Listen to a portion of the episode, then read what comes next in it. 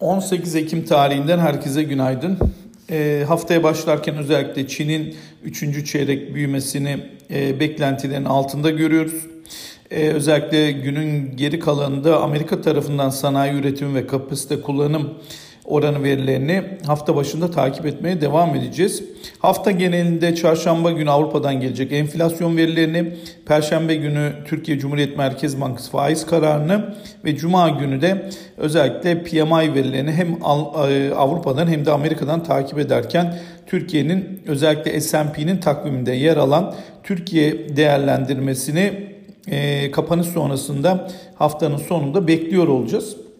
Ee, bugün için baktığımızda hala kurda hareketliliğin devam ettiğini görüyoruz. Özellikle e, kurun yukarı doğru hareketlerinde 9.25'in üzerinde kalması önemli. Perşembe günü Merkez Bankası'nın alacağı kararla ilgili hala piyasada e, kafa karışıklıkları olduğu, beklentilerin farklılaştığını görüyoruz.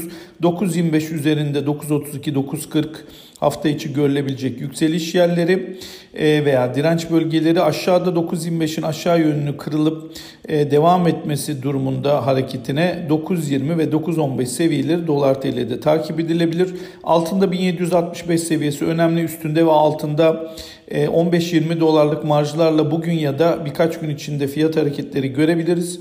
E, paritede de şimdilik 1.16'nın üzerinde kalınamadığını, özellikle dolar endeksinde 94'ün Amerikan 10 yıllıklarında 1.55'lerin üzerinde bir fiyatlama gün içinde olduğunu görüyoruz.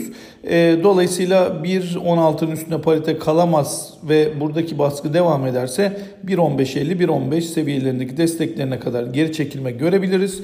Borsa İstanbul'da 1409 kapanış gerçekleşti.